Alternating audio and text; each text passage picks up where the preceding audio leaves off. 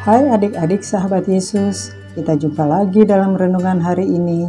Kiranya berkat Tuhan selalu melimpah buat adik-adik. Hari ini kita kembali akan membaca dan merenungkan firman Tuhan.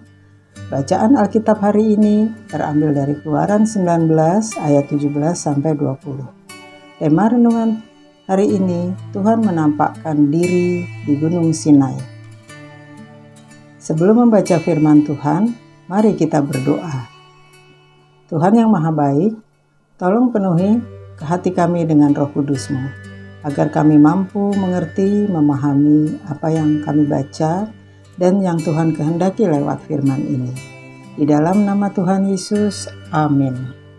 Adik-adik, mari kita baca bersama-sama firman Tuhan dari Keluaran 19 ayat 17 sampai 20. Lalu Musa membawa bangsa itu keluar dari perkemahan untuk menjumpai Allah dan berdirilah mereka pada kaki gunung.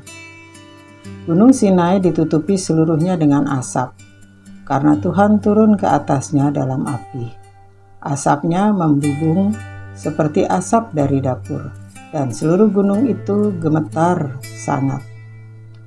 Bunyi sangkakala kian lama kian keras. Berbicaralah Musa, Lalu Allah menjawabnya dalam guruh. Lalu turunlah Tuhan ke atas gunung Sinai, ke atas puncak gunung itu. Maka Tuhan memanggil Musa ke puncak gunung itu, dan naiklah Musa ke atas. Fokus ayat kita hari ini, Keluaran 19 ayat 20. Lalu turunlah Tuhan ke atas gunung Sinai, ke atas puncak gunung itu maka Tuhan memanggil Musa ke puncak gunung itu, dan naiklah Musa ke atas. Sewaktu melewati Masa dan Meriba, bangsa Israel mengeluh kehausan. Tuhan membuat mujizat dengan memberikan air yang keluar dari gunung batu di Horeb. Sesudah itu, bangsa Israel melewati gunung Sinai. Sinai merupakan wilayah yang mencakup pada padang gurun. Salah satu gunung yang ada di Gurun Sinai adalah Gunung Sinai atau bisa disebut sebagai Gunung Horeb atau Gunung Tuhan. Gunung Sinai termasuk jenis gunung yang tidak terlalu tinggi. Ketinggiannya sekitar 2285 meter. Gunung Sinai tidak terletak di Mesir namun di semenanjung yang menghubungkan benua Afrika dan Asia bangsa Israel berkemah di, di dataran kaki gunung itu. Dari situ mereka dapat melihat puncak gunung di mana Yahweh atau Allah menampakkan dirinya kepada Musa. Dan Tuhan membuat perjanjian dengan bangsa Israel dengan memberikan sepuluh hukum Taurat atau ke sepuluh firman Tuhan.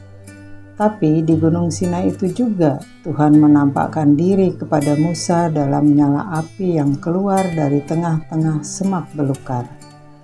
Saat itu Musa sedang menggembalakan kambing domba kepunyaan Yitro mertuanya di padang Gunung Sinai ini. Gunung Sinai merupakan tempat bersejarah karena banyak peristiwa penting terjadi di tempat ini.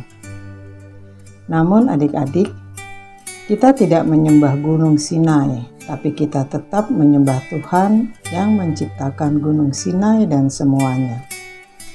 Terlebih lagi Tuhan yang sudah menampakkan diri dan memberikan sepuluh hukum Taurat kepada bangsa Israel adalah Tuhan yang juga mengasihi adik-adik.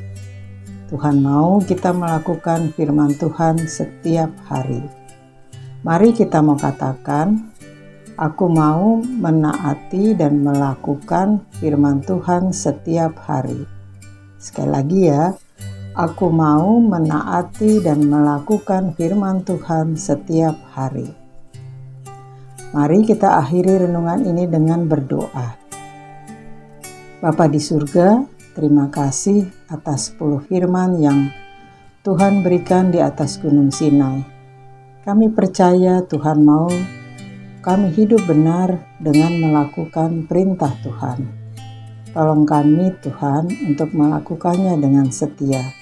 Terima kasih ya Tuhan, dalam nama Tuhan Yesus. Amin.